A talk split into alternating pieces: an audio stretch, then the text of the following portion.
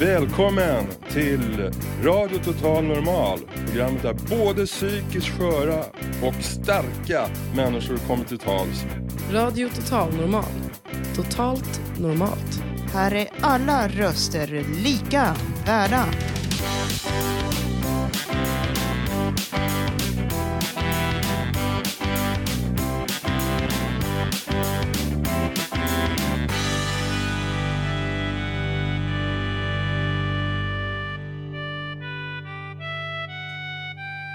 Hej och varmt välkomna till Radio Total Normal, eller Normal Total som man kan säga också. Jag har en stor förväntansfull publik framför mig och vi ser emot ett spännande program. Vi sänder direkt ifrån Götgatan 38 i Stockholm på 101,1 MHz. Har ni vägarna förbi så kom gärna upp en kaffe och lyssna. Idag ska vi få höra om rasism och hur man, och om hur man hanterar sin diagnos. Vi ska också få besöka föreningen Tilia som vänder sig till unga med psykisk ohälsa. Så stanna kvar och lyssna på fler berättelser och mycket livemusik. Detta är något som ni bara inte får missa. Jag som är dagens programledare heter Linda Gudidi.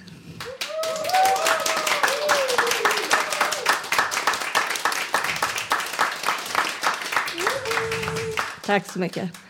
Och vi börjar sändningen med Alex med Välkomna till förorten. Det är så lätt att sitta inloggad på Facebook och ge uttryck för sin egen godhet. Det är så lätt att gå med i gruppen Vi gillar olika. Eller varför inte favoriten? Sverigedemokraterna i riksdagen? Nej tack. Betydligt svårare än att sitta och klicka på Facebook är det att anställa en invandrare. Jag intervjuade en gång två skådespelare som jobbade på en teater och höll på att repetera monologer om rasism. När jag frågade dem hur många invandrare det var som jobbade på deras teater, ja, då blev de helt tysta. Efter att den pinsamma tystnaden hade lagt sig visade det sig att nej, någon kollega från något annat land, det hade de inte. Så här i efterhand önskar jag att jag hade frågat om vi hade haft fler skådespelare med invandrarbakgrund. Hade vi då behövt teaterföreställningar om rasism? Ville du tro att det där med att rösta är någonting man gör en gång vart fjärde år när man går och lägger en röstsedel i en låda? Ledsen att göra dig besviken, men det är fel. Varje gång man köper en bostadsrätt på Södermalm istället för i Rinkeby så röstar man. Varje gång man väljer skola åt sitt barn i en skola där det bara går svenskar så röstar man. Och så där håller det på. Jag bodde i många år i Akalla som är en del av miljonprogrammet. Betongen, förorten.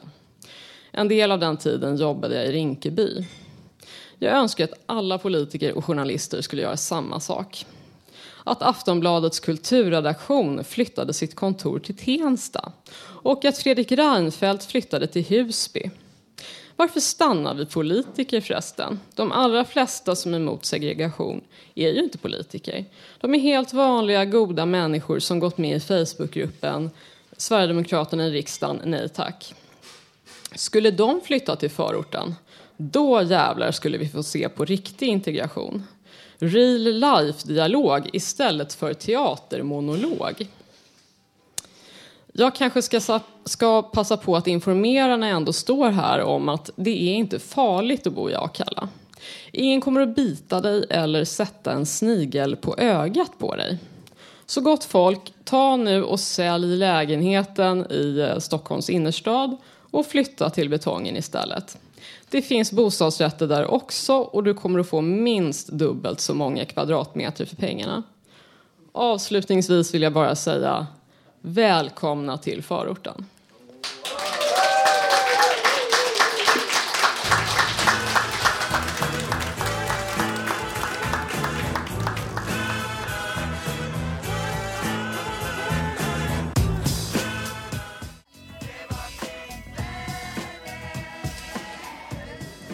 Latin King, Krossa rasismen var det den låten vi hörde. Nu vill jag säga välkommen Ankin. Nu ska vi få höra om föräldraskap. Jag har själv två stycken barn så det ska bli väldigt intressant. Oh, hej. hej Linda. Uh, uh, så här. Uh, idag fyller mitt yngsta barn, min dotter Vera, 22 år.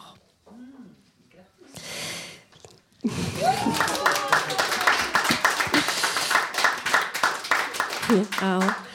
Jag är faktiskt trebarnsmamma. Mina söner är 28 och 26 år gammal, gamla. Eh, och när mina barn fyller år så brukar jag tänka mycket på de existentiella livsfrågorna. Det blir ju så.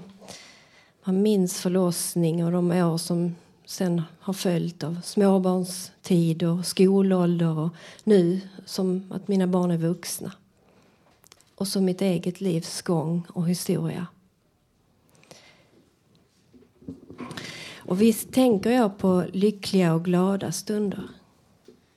Men också på de svåra och svarta.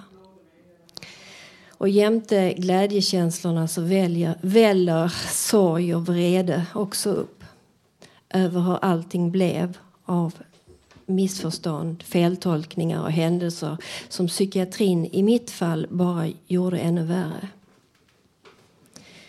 Privatliv av tuppfäktande karjävlars cirkus kring mig där psykiatrin låtit sig användas som deras förlängda penis för att förtrycka mig med. Den patriarkala psykiatrin som visar upp kvinnoförakt och utövar kvinnoförtryck på ett nära nog karikatyraktigt sätt av hur samhället i övrigt ser ut. Politiskt engagerade medelklass och överklassfeminister borde verkligen bry sig om hur det ser ut där på botten och inom psykiatrin. Jag har skrivit ett brev till mina barn. Till mina barn. Jag är stolt över er. Det är jag verkligen. Men jag kunde ha varit ännu mer stolt om jag hade levt mitt eget liv mer segervisst om jag hade gett mig den på att lyckas med det jag företog mig om jag hade kunnat övervinna denna rädsla inom mig som jag släpat runt på i åratal.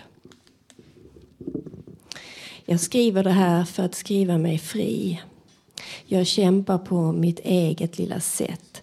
Att skriva är det jag är bäst på. Jag är bra på andra saker med men jag tror att just skrivandet är det som jag är allra bäst på. Jag borde ha gjort någonting av det för länge, länge sedan.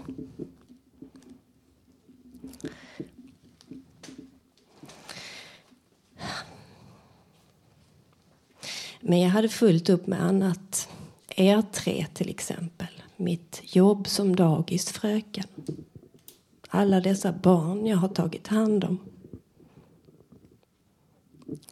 Barn som jag har försökt förstå hjälpa fram för att blomma och lyfta på de vingar de haft av kunskaper och talanger.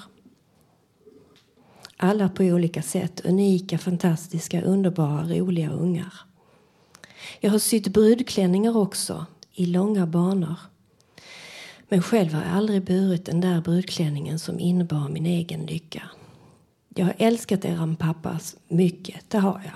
Men vi var aldrig riktigt lyckliga tillsammans. Det är lätt att vara efterklok men så jävla svårt att leva här och nu på ett bra sätt. Så många saker att ta hänsyn till, så många måsten och borde och ska. De flesta vinglar väl fram genom livet precis som jag har gjort. Om jag fick börja om, ja då skulle det blivit annorlunda, minsann. Det är lätt att säga det, men svårt att leva efter.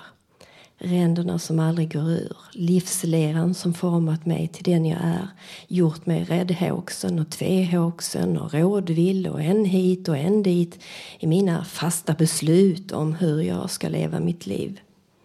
Så mitt råd, råd till er är, gör vad ni än vill av livet och skit i hur det kanske inte passar sig och inte synkar med den planerade semestern eller jobbschemat eller whatever som kan tänkas komma i vägen för era livsdrömmar och verkliga livsmål. Lätt att säga, svårt att göra, jag vet. Fråga mig, jag vet. Men försök i alla fall. Jag är den morsan som vet allt men som inte har kunnat leva upp till all denna livskunskap som jag har. Jag kan bara bidra med dessa ord och skrivna rader till er. Kram från mamma Anki.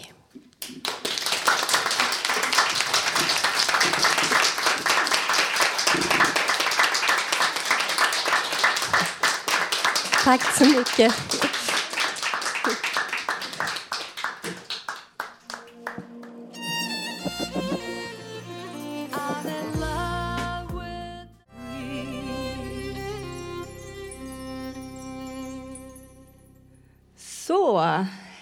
En amerikansk Thanksgiving ska vi få höra om. Välkommen Tobias.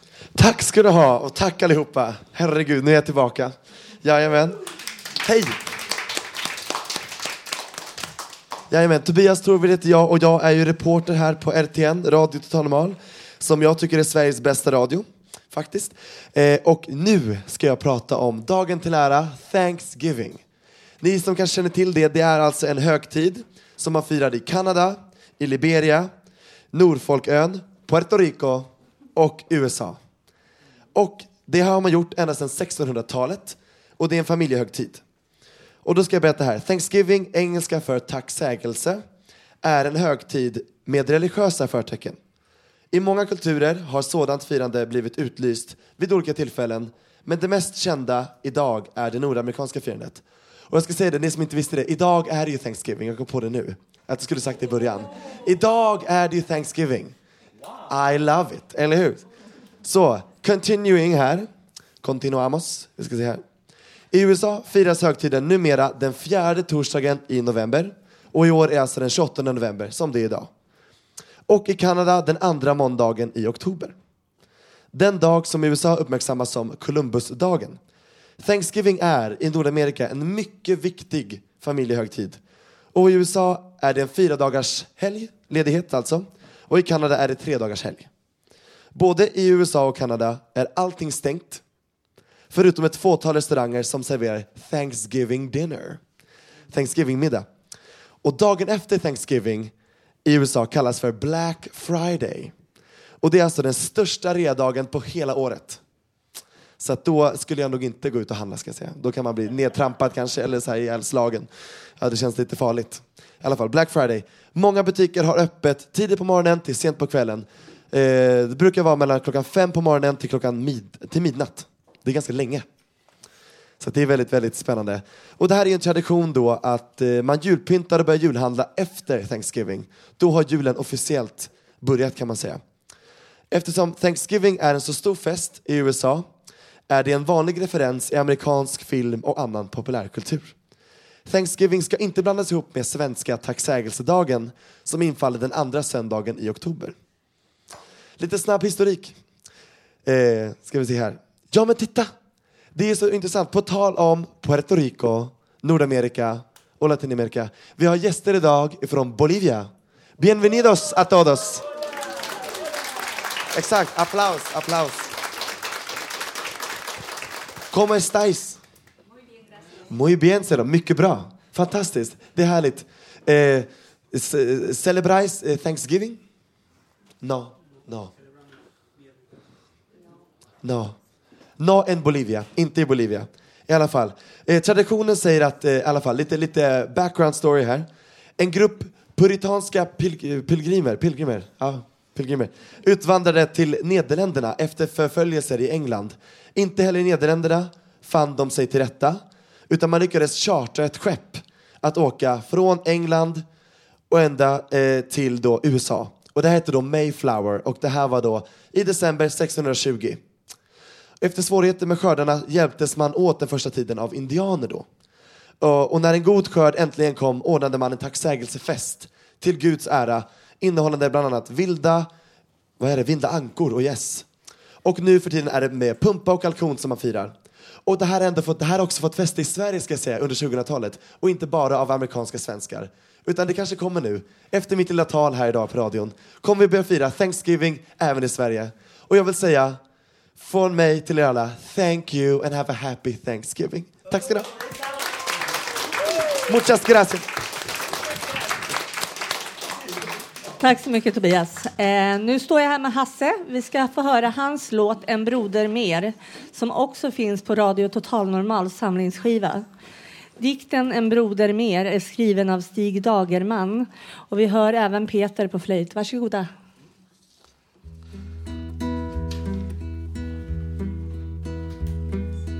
Jorden kan du inte göra om Stilla din häftiga själ Endast en sak kan du göra. En annan människa väl. Men detta är redan så mycket. Att själva stjärnorna ler. En hungrande människa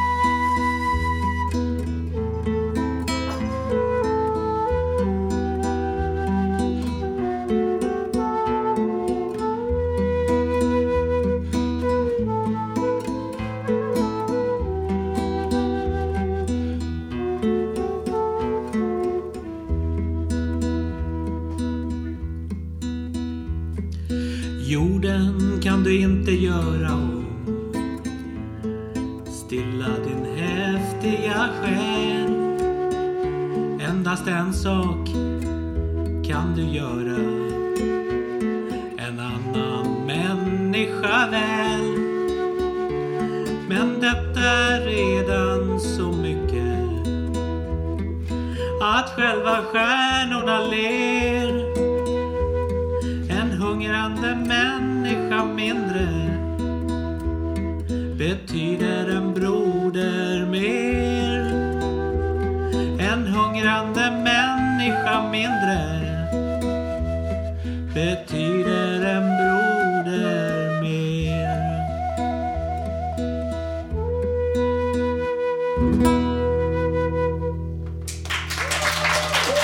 mycket. Tack, tack.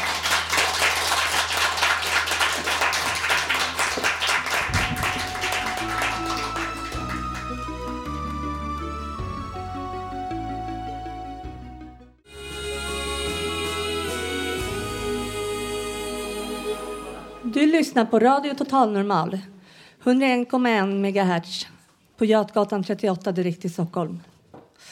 Idag har vi besök av föreningen Tilia som vänder sig till unga med psykisk ohälsa. Jag står här med Ann-Sofie som är grundare och ver verksamhetschef och Jenny, verksamhetsansvarig. Välkomna. Tack så mycket. Tack. Eh, jättekul att vara här. Jag ska försöka berätta lite om den här organisationen och jag tycker om den så mycket eftersom jag har grundat den själv. Så jag spårar lätt iväg och pratar väldigt länge så jag ska försöka eh, så att ni förstår vad jag menar. Eh, så här är det, vi är en organisation, vi heter Tilia som sagt. Eh, vi vänder oss till unga mellan 12 och 30 år med någon form av psykisk ohälsa. Eh, det är ju en väldigt bred benämning egentligen. Men vi ser det som att om det är ett mående som går ut över din vardag så pass mycket att du mår dåligt över det så får du vända dig till oss. Det kan vara vad som helst eh, egentligen. Så det vi möter mycket av och som är orsaken till att man eh, har hittat oss det kan ju vara allt ifrån att det har hänt saker utanför eh, i, i ditt liv som gör att du eh, har börjat må dåligt av olika orsaker. Det kan vara mobbning, övergrepp, Eh, ja, till exempel. Eh, eller så kanske du har bara eh, tyvärr eh, börjat ditt liv med någon typ av självhat eller att du är väldigt kritisk mot din egna person eller ja, det finns många orsaker i alla fall. Eh, och det är så här, jag jobbade ungefär fem års tid i olika stödorganisationer som volontär.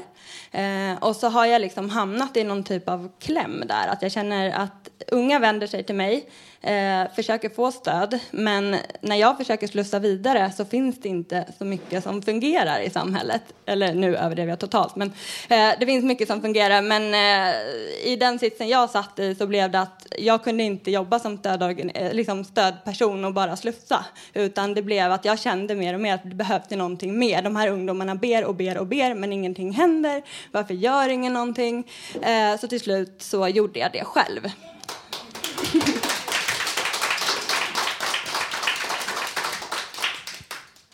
Och sen träffade jag min underbara kollega Jenny, eh, så hon får berätta lite om hur vi jobbar. Ja, eh, så vi arbetar utifrån tre olika delar. Eh, och det är förebyggande, stödjande och opinionsbildande. Eh, vi ser att de här tre delarna skapar en helhet tillsammans. Eh, med det förebyggande arbetet så jobbar vi mycket med att vi är ute på skolor. Vi träffar ungdomar på deras arenor. Vi kommer ut i en neutral miljö och pratar och fokuserar mycket på det här att arbeta med sin egen tro på sig själv. När vi är ute på skolor kan vi också möta de ungdomar som mår dåligt men som själva inte vågar ta kontakt med en stödorganisation eller vård. Och på så sätt så kan vi fånga in dem till vår stödbit. Eh, stödbiten är väl idag den största delen som vi arbetar med. Bland annat har vi en chatt där vi finns varje dag eh, mellan 21 och 23 året om. Eh, och man länkar in på vår hemsida, foreningentilia.se. Och där finns det bara en knapp där man trycker på chatt och så kan man börja chatta med oss. Eh, vi har stödmejl och vi har eh, stödgrupper, både en introduktionsvariant och en mer ehm, fortsättningsdel. Ehm, och sedan så har vi också myndighetskontakter. Och det innebär att vi kan vara med, följa med till ungdomsmottagningen, vi kan följa med till läkaren om man bara behöver lite stöd. Men det kan också innebära att man följer med kanske vid en polisanmälan eh, eller vid svårare situationer. Och sedan så har vi det opinionsbildande. Eh, och det bygger mycket på att vi ska också kunna lyfta det vi hör och ser genom våra ungdomar att deras röster om vad de behöver och vill ha kommer upp på en högre nivå så att också det kan ske förändringar. Eh, och som sagt, vi ser de här bitarna som jätteviktiga bitar tillsammans. För det går inte bara att stödja. Man måste också jobba i förebyggande syfte. Och det går inte bara att lyssna på det de säger utan man också, måste också ta tag i det och lyfta det på en högre nivå så att det också sker förändringar. Um, mm. Vi tänkte höra om den fina publiken har några frågor till oss eh, här idag. Jag, jag, tänkte, jag är 40 år, men när jag fick min första kontakt eller sökte själv i psykiatrin så var jag eh, 26 år. Jag placerades i en sån här eh, behandlingsgrupp med äldre, ja, upp till 65 år. Jag kände då, det fanns inte så mycket just för unga. Så det är intressant att höra. Eh, har ni, jag sak, saknade det själv när jag var eh, yngre då. Men har ni fått mycket respons från unga människor som eh, kontaktar er och vill ha hjälp? Det har vi. vi har, inte minst i chatten har vi ja, 150 konversationer varje månad. Eh, men sen är det också så, vi har ju, precis det du beskriver är ju ett av de största problemen. Man borde nästan, eh, från barn och ungdomspsykiatrin som är upp till 18 och sen när vuxenpsykiatrin tar vid där, där borde man ha ett unga vuxna, tycker vi. Något typ av mellansteg, 18 till ja, nästan till 30 skulle kunna funka. Eh, att det, det är fortfarande exakt samma problem som du beskriver som pågår än idag. Så det jobbar vi jättehårt för. Ja, jag undrar, eh, är det någon gräns för vilka typer av människor ni hjälper? Är allt för grava problem? Kan ni klara av det eller hur är det med det? Eh, vi klarar, klarar av. Jag känner att eh, det går att möta alla med den eh, människosynen vi har. Sen eh, samarbetar vi gärna med den vård som fungerar och det finns väldigt mycket bra vård. Eh, men jag känner att eh, så långt vi klarar av tills när sjukvård behöver ta vid och när individen själv känner det. Där inser ju vi våra begränsningar också, men vi har även psykisk sjukdom, ja. Det har vi. Jag hoppas att eh, ni får stöd för det här, för det är ett otroligt bra initiativ. Klarar ni er? Tack ekonomin. Eh, ja, precis. Vi, stöd i form av kärlek och uppmuntran får vi så vi bara myser här hela tiden. Men sen är vi har fått eh, en hel del stipendier, men det är mycket projekt och korta så här. Men eh, nu har vi funnits i över ett år, då kan man söka lite större bidrag. Så vi kämpar på och det här kommer vi kunna leva på. Det är vi helt säkra på. Vad är, det som, vad är det för frågor som ni vill lyfta, som de unga vill, lyssna, vill lyfta i opinionen? Vad är, hur ska samhället jobba för de här unga? Eh, en av de frågorna är väl att, att behöver det alltid återkopplas till till exempel föräldrar när man är under 18 år om man söker vård. Eh, vad händer om, om det är i familjen problemet startar och en ungdom söker vård och sen så ska det direkt föras till, tillbaka till föräldrarna? Eh, det är en sak. Sen kan det ju vara att föräldern själv är förövare också och då blir det ju ödesdigert. Så det är ju verkligen en av våra första. Sen det som nämndes här idag med att ha någon typ av unga, unga vuxna vill vi ändra. Vi jobbar hårt, som många andra också gör, för att inkorporera barnkonventionen i svensk lag. Eh, vi försöker etablera ideella föreningars ehm, ehm, existens på marknaden, man ska säga. Någonting som ungdomar återigen hela tiden åter, återupprepar är att det är så himla skönt att ha med någon som förstår. Vi var senast idag på psykiatrin på ett besök med en av våra ungdomar så satt vi med. Eh, vi får kontakt direkt med kontaktpersonen där. Hon känner sig mycket lugnare för att vi sitter där. Eh, det går att göra en plan för hur, när hon skrivs ut sen så finns vi där när de inte kan hjälpa till längre. Ehm, det är bara ett exempel av många men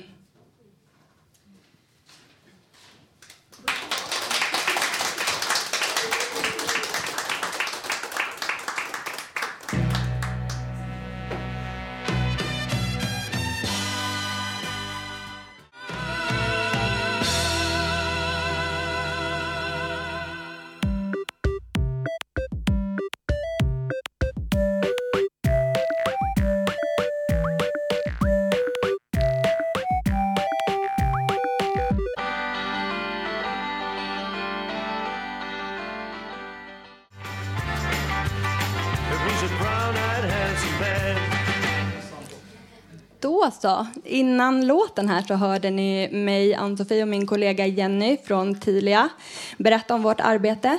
Eh, vill ni ta kontakt med oss eh, så finns vi på foreningentilia.se vår hemsida och som sagt det är även där ni kan chatta med oss varje dag.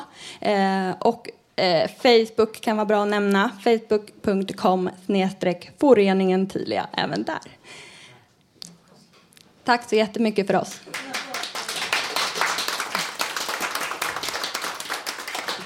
Så, alltid lika roligt. Nu kommer ett vykort ifrån Gabriel. Vykort från utkanten av Barrikai Nsirili, höst. Det är ganska bra här. Lämnat spåren efter mig nu. Har ni vodkamys ikväll? Tidigare hängde jag i en park här.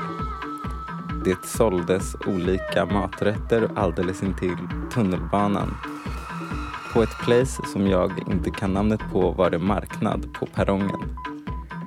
Det var också någon märklig man som hade en, som sekunden skulle beskrivas som fet medelålders gul dress och stod och pratade för sig själv. Till slut kom en annan man och sa till honom eller någonting. De pratar lite mysko här. Jag ser en del läckra modeller på allt ifrån varorna i kylar som står direkt på gatan, fisk som likt marknaden i Montparnasse Benoît direkt på pallen. Hula Hula tjejer bjuder på åk hela tiden. Vi köper lösa cigaretter och rökhyvlar. Popcorn ur stekpannor stora som rymdfärjor är nog att ta i, men stora okej.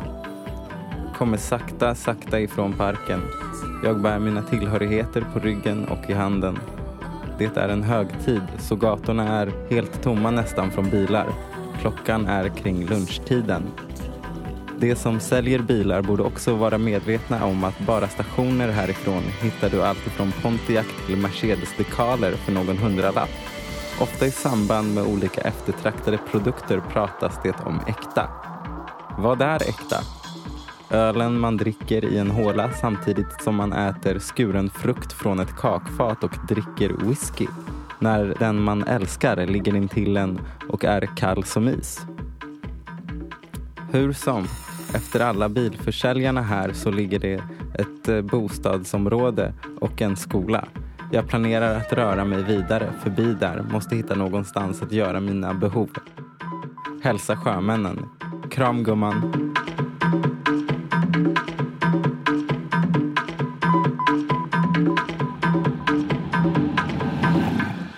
Gabriel, en stor applåd.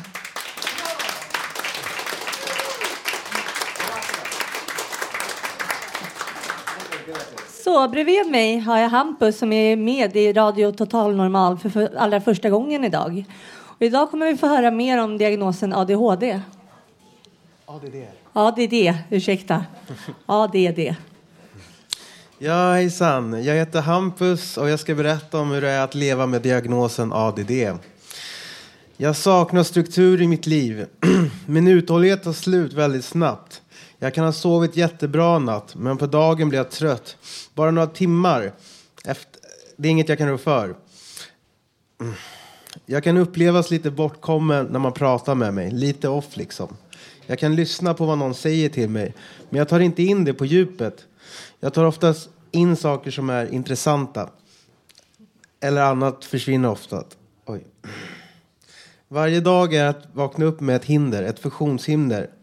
Oftast när jag är på väg till tunnelbanan så kommer jag på att jag glömt något. Till exempel nycklar till jobbet, busskort med mera. Men nu har jag köpt en plånbok. Men det tog några år att bara köpa en plånbok. Bara att se min egna handstil får mig att må dåligt. Jag tänker att det ser ut som en åttaåring har skrivit det jag skriver. Skolåren var tuffa eftersom att allt var så svårt för mig. att ta in det som har sagts. Det som lärarna sa åkte in i ena örat och sen snabbt ut ur det andra. Jag är lätt distraherad. För mycket ljud i ett stort rum kan suga upp min energi och jag blir trött, dåsig och i vardagen brukar jag drömma mig bort. Jag glömmer saker snabbt. Jag skjuter ofta upp saker till sista sekund. Ett ständigt misslyckande med allt jag gör. Alla dessa misslyckanden har lett till ett otroligt dåligt, en otroligt dålig självbild. Självkänslan trasades sönder under mina skolår och ledde till ett mående. Ett dåligt mående. Den inre ständiga stressen gjorde allt värre. Min frustration inombords ökar och min ångest. Men jag slår inte sönder saker. Jag bär det inom mig. Jag maler och ältar på. Man kan se på mina ögon och mitt ansiktsuttryck när jag är riktigt stressad inombords. Och jag har tusen tankar i huvudet. En ständig karusell som aldrig tar slut. Och det ledde till ett missbruk, ett alkoholmissbruk. Alkoholen gav, gav mig en befrielse från det dåliga självförtroende. Um, alkoholen släppte loss alla mina hinder. Jag kände mig fri och jag kunde ta tag i saker som jag aldrig kunnat förr. Jag kunde plugga bättre, sätta mig ner och läsa och skriva ner, göra arbetsuppgifter när jag pluggade till undersköterska. Sen bara söp jag för att orka med mitt dåliga mående till slut. Det blir bättre och bättre. Diagnoser diagnosen som jag fick för några år sedan ehm, så fick jag mer hjälp av stadsdelsförvaltningen. Jag fick en boendestödjare som hjälper till med att få mig att göra allt som måste göras i vardagen. Nu vid 29 års ålder kan jag äntligen betala mina räkningar själv. Och jag är också tacksam mot min mamma att hon har brytt sig så mycket och legat på mig med att göra sysslor eh, och praktiska saker månad efter månad, år efter år. Hade det inte varit för min mamma hade jag klantat bort mitt förstahandskontrakt och i princip satt mig själv på gatan. Idag jobbar jag med att försöka vara snällare mot mig själv och öka min självkänsla. Jag går på AA-möten och försöker hitta en andlig utväg istället för att medicinera och självmedicinera. Tack så mycket.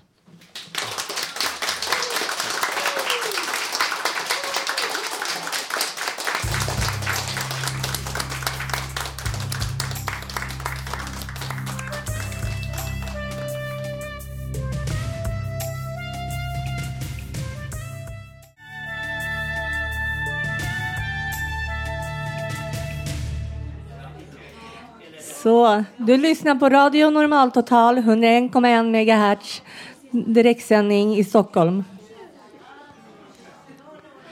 Då vill jag säga tjenare Peter. Tjena, hur mår du? Det är jättebra idag, tack. Ja, bra, det låter bra det. Vi ska få höra en låt. Det, ja, inte av George Harrison, men om George. Han dog ju för 11 år sedan nästan på dagen. Och då skrev den här något år efter det, så den är tio år gammal. The Quiet One. Han, han var ju egentligen inte alls blyg, men han fick väl lite det epitetet för John och Paul var ju så väldigt spralliga. Så om man jämför så okej, okay, kanske han verkade lite filosofisk.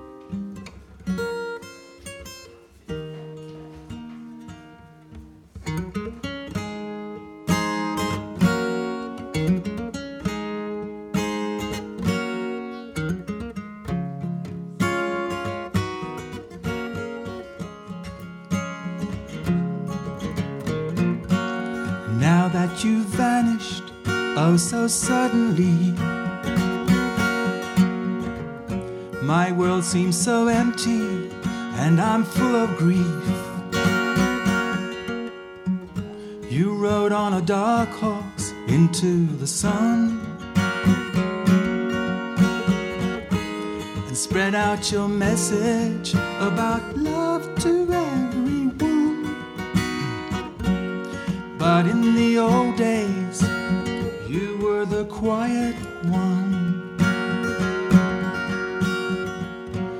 With Beatlemania came secluded years.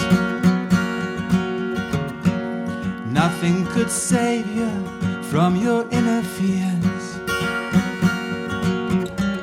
Then you met Mr. Shankar in the sun. And he taught you magic, which you gave to everyone. Now that you're gone, I'll just have to carry on. Now that you're fast asleep, your guitar gently weeps.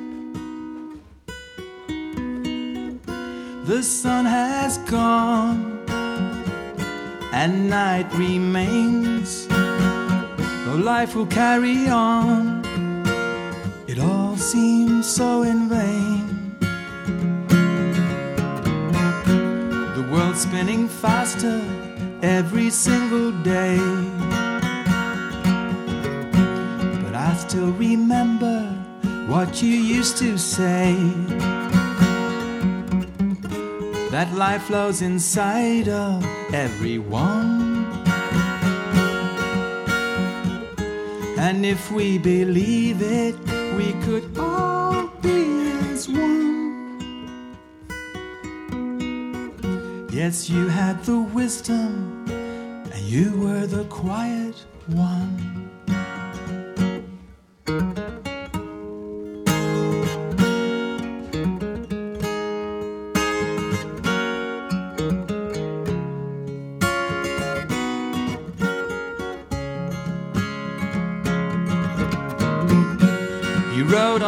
Dark horse, preaching about love.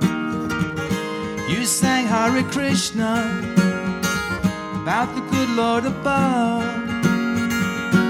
They called you the shy one, so humble and frail. That serious beetle with a stern looking face.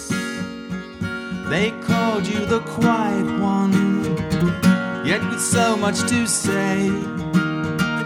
But I know that you're laughing beyond your grave.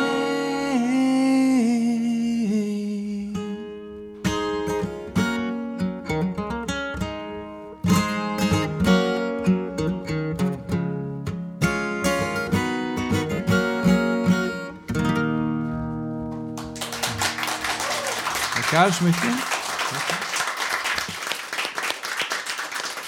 Det var jättefint tycker jag.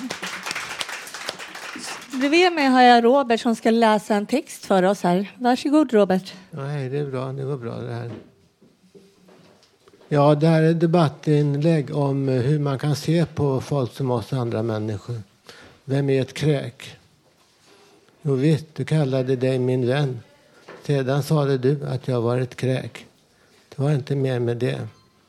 Jag ibland frågar om våra andra vänners telefonnummer nu så säger du ingenting. Jag har frågat många gånger, hur många som helst. Du säger aldrig något.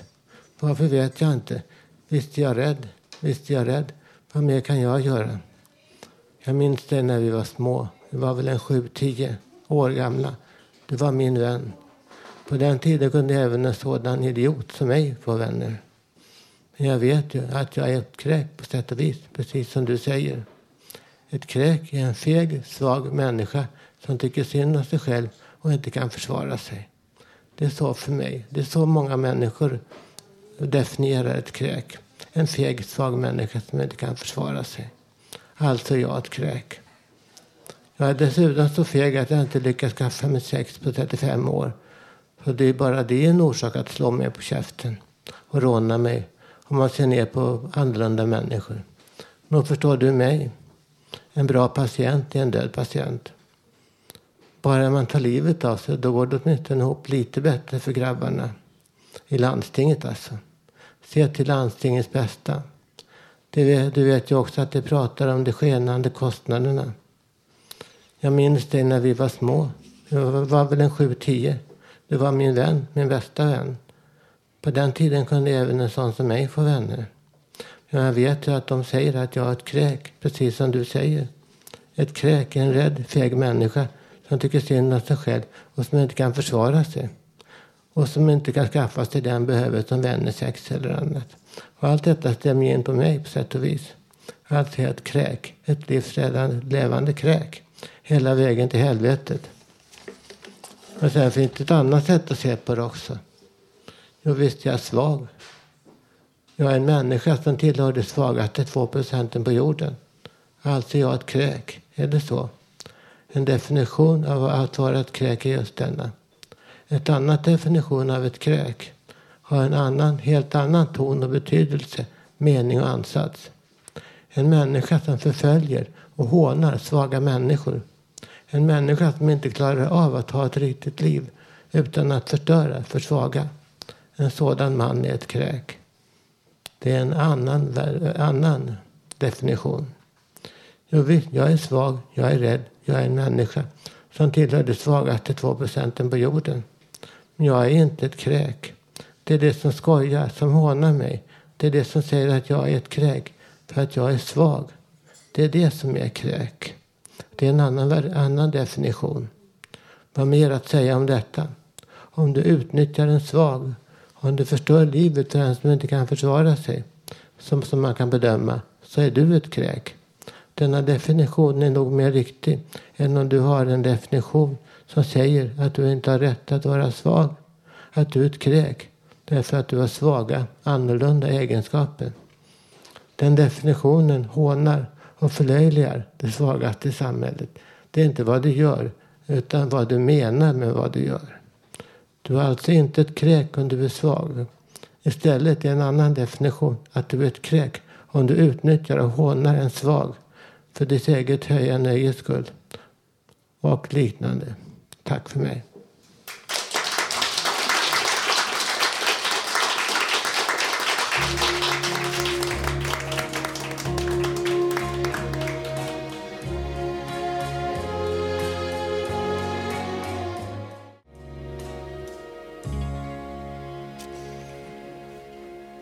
Hallå igen allihopa. Hej Marco. Hej. Marco ska berätta om den andefattiga världen. Hur ser den egentligen ut? Ja, Jag tänker idag ta upp någonting som tryckt mig en längre stund. Jag upplever att det är slående hur lite vi tror på någonting i dagens värld. För mig som är religiös har det alltid känts som att det är relativt lätt att ha en tro på alltings mening. För mig har det alltid varit antingen eller. Det är klart att jag precis som vem som helst kan ha tvivel på min tro och alltings mening. Men till skillnad mot de flesta tvivlar jag mycket oftare på den här världen än den världen vi inte kan se, den himmelska Guds värld. För mig är det självklart att det finns andliga ideal som bär upp livet. Kärlek, solidaritet, omtanke. Allt ljust och vackert i världen. De kan inte ha kommit till av en slump. Det är skaparens verk. Han är kärlek. Men vi vet alla att det finns en orm också. Hinhåle, människosjälens fiende, alias djävulen i världen som sätter ut fällor för oss. Men det verkar som om många har svårt att relatera sig till det. För det måste finnas en mening med livet, världen och skapelsen. Annars är vi ju alla och allt fullt poänglösa och vi skulle lika gärna kunna lägga oss och dö på momangen. Då är valet ganska lätt, men att leva rätt och i harmoni, det är svårare. Det som slår mig är att vi idag, åtminstone i västvärlden, drivs av alltför materialistiska värderingar. Själen har nästan helt glömts bort. Vi strävar allt för mycket efter påtagliga värden. Pengar, makt, status, snabb sex och självtillfredsställelse.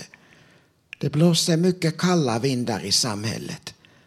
Var finns solidariteten och de djupa värdena idag?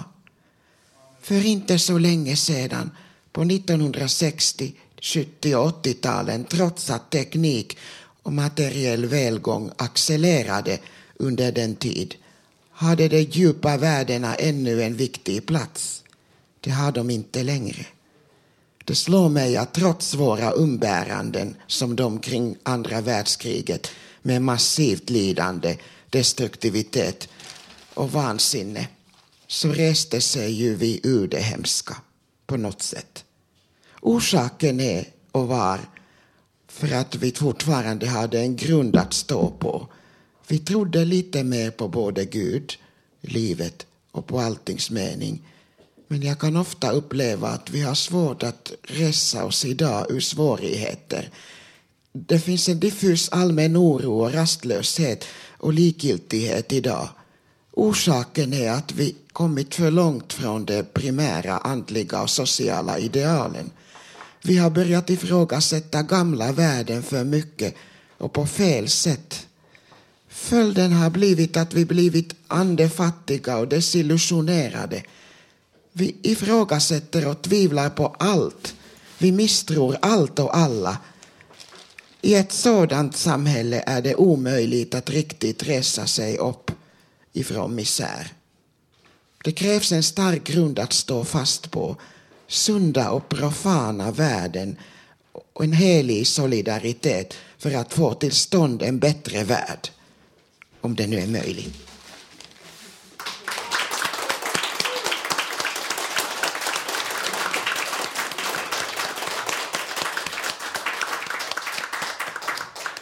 Jättefint, Marco. Nu står jag här med Lars och Peter. Och vad ska vi få höra? Vi fortsätter på temat George Harrison. Vi hörde Peters eh, excellenta låt The Quiet Man förut. Och eh, nu ska vi framföra en sång som George Harrison skrev, en av hans mest kända. Det är ju morgon den 29 november, 12 år sedan han eh, gick ifrån oss. Så att det här blir samtidigt en liten hyllning.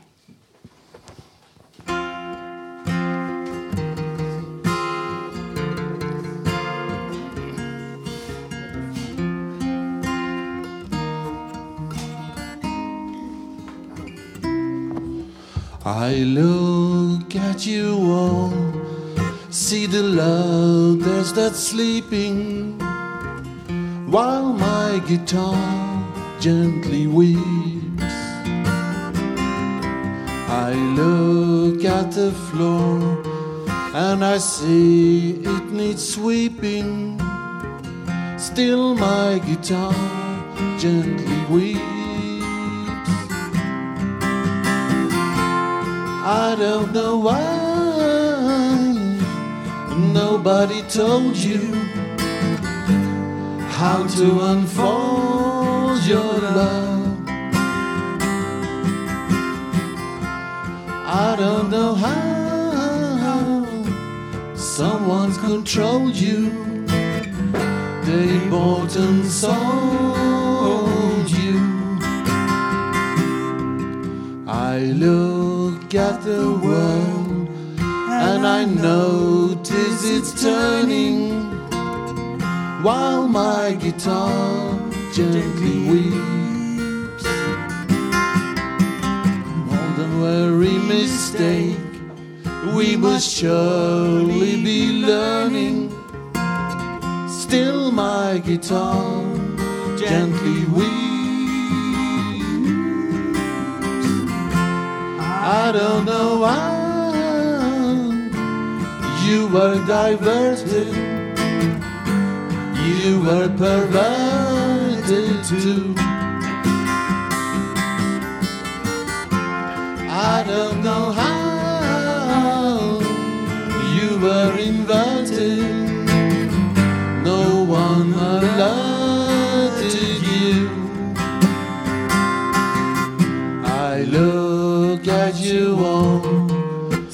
the lovers that's sleeping, while my guitar gently weeps.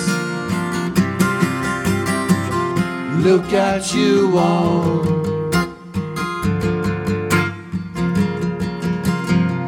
Still, my guitar gently weeps.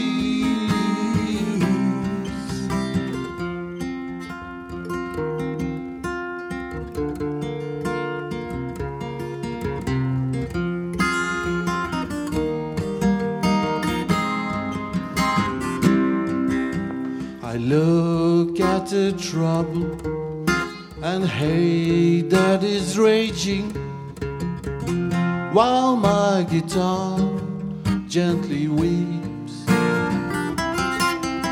While I'm sitting here doing nothing but aging, still my guitar gently weeps.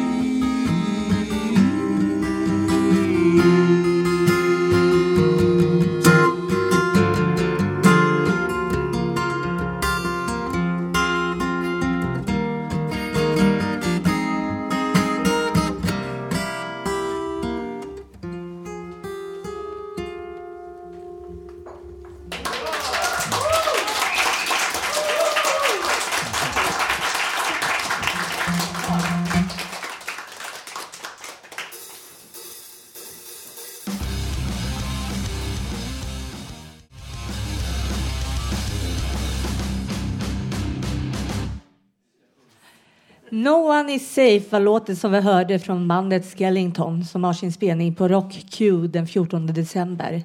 Som jag varmt rekommenderar att gå på. De är riktigt bra faktiskt. Eh, men till något helt annat ska det handla om rasism bland annat. Så jag säger välkommen Susanna. Tack så mycket. Tackar. Eh, jag ska prata om rasism.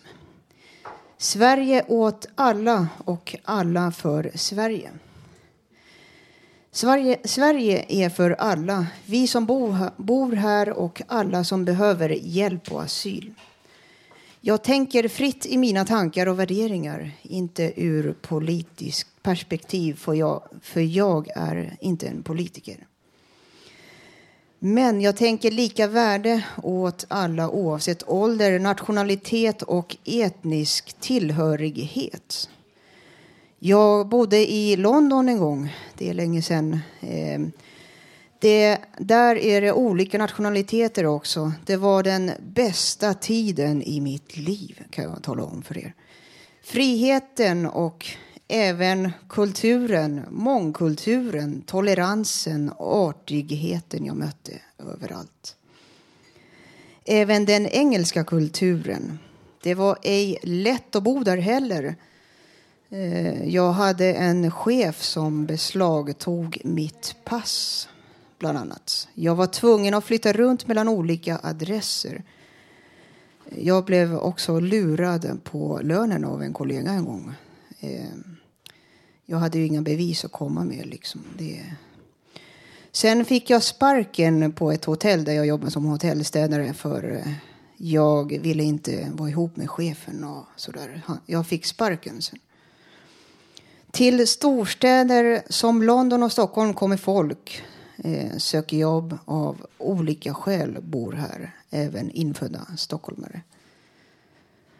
Vad händer om man in, ej är tolerant mot mångkulturen? Man minimerar sig, avskärmar sig. Det skapar grupperingar, dömande attityder. Vi har även politiska partier som vill minska invandringen och även göra om lagar beträffande eh, abortlagstiftningen som jag läste om ett par veckor sedan.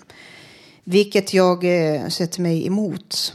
För det handlar om att eh, kvinnan ej får frihet och skall hållas i schack.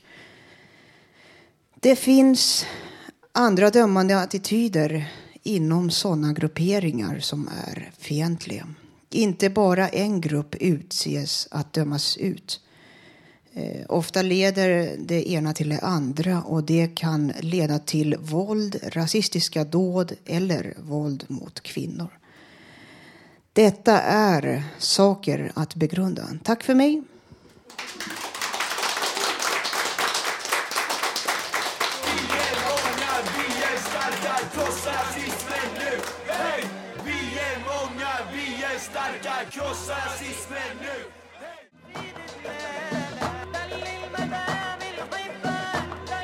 Du lyssnar på Radio Total Normal, 101,1 MHz direkt ifrån Stockholm. Vi ska nu få höra ett, en reseminne av Ann-Sofie från när hon och hennes vän Kristina var i New York i somras. Nu har jag hunnit landa efter min resa i USA. Vad kul vi haft det. Vad mycket vi sett och upplevt. Ett reseminne som jag lever på hela livet. Vi har sett så mycket vi har hittat och hun- hunnit till. Jag kan ta mig med tunnelbana i staden och har känt mig som en av dem under min semester. Vi har besökt Fountain House och blivit visade stället. Efter besöket var vi nära World Trade Center. Vi tog oss dit. Det var lite uppslitande att se och tänka på det som hade hänt där. Vi såg på håll hur en sky skyskrapa jämnats med marken. Vi hade regn i fyra dagar och när det regnade så regnade det ordentligt. När solen sken var det också mycket varmt. Det är faktiskt en varmare del av världen, New York, när det är riktigt varmt. En dag när, när det var så där varmt sökte vi upp The Metropolitan Museum of Art. Den ligger nära Central Park. Det var verkligen sevärt museum. Vi blev länge kvar där. Utanför hade man en manifestation av staden Puerto Rico. Det var bra stämning bland människorna. Folk satt vid små bord och hade trevligt. Vi gick omkring där ett tag. Vid 17-tiden brukar vi ta tunnelbanan hem. Vi åkte till ändhållplatsen på Sjuans tunnelbana till södra delen av Manhattan för att bli hämtade av minibussen som körde oss sista biten till hotellet. Ibland tog vi en fika på ett litet fik där. Vi bodde i Chinatown. Vårt hotell var av mer lyxig karaktär. Det var nybyggt sedan sex månader. Rummen var jättestora, allt i vitt. Ja, det var verkligen avkoppling att bo där. Vi behövde hotellet för att relaxa. Vi ville ha frukost på hotellet och detta var en av de få ställena i New York som erbjöd frukost. Utsikten var enorm och vi såg över hela Ny vi såg ut över staden. En, en mycket vacker bro hade vi i blickfånget. Man kunde gå ut på taket. Ja, det var verkligen en känsla av lyx. På kvällarna serverade man mat i matsalen. Antingen åt vi någonting eller också drack vi bara ett glas vatten. I närheten fanns ett shoppingcenter. Där var kul att handla. De har mycket större storlekar i USA. Det är alltså lättare att hitta kläder. Vi besökte Stadsmuseet samt ett konstmuseum som heter Guggenheim Museum. Vi tog oss upp till Empire State Building och Rockefeller Center. Det är en speciell känsla att leta upp platserna. Man fick ofta gå långt innan man kom fram. Rökning är inte tillåten överallt, men oftast går det bra. Naturligtvis såg vi Frihetsgudinnan. Vi gjorde en guidad tur och det var verkligen sevärt. På onsdagen åkte vi in till Broadway och det är mycket, mycket större än vad jag hade trott. Ja, USA vill verkligen vara störst, bäst och vackrast. Vilken upplevelse vi har haft. Det här lever vi länge på. En stor applåd till Ann-Sofie.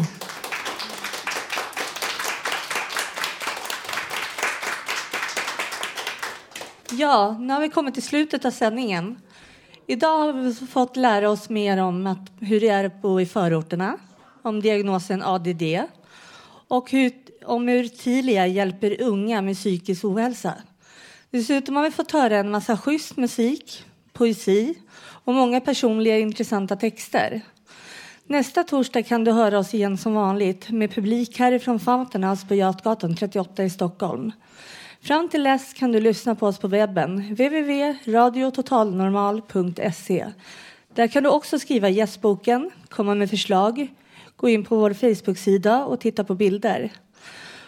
Och tekniker idag var Nanni Johansson. En stor applåd.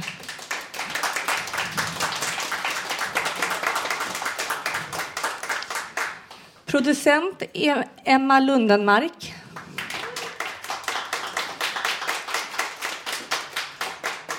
Och ansvarig utgivare var Bodil Lundmark.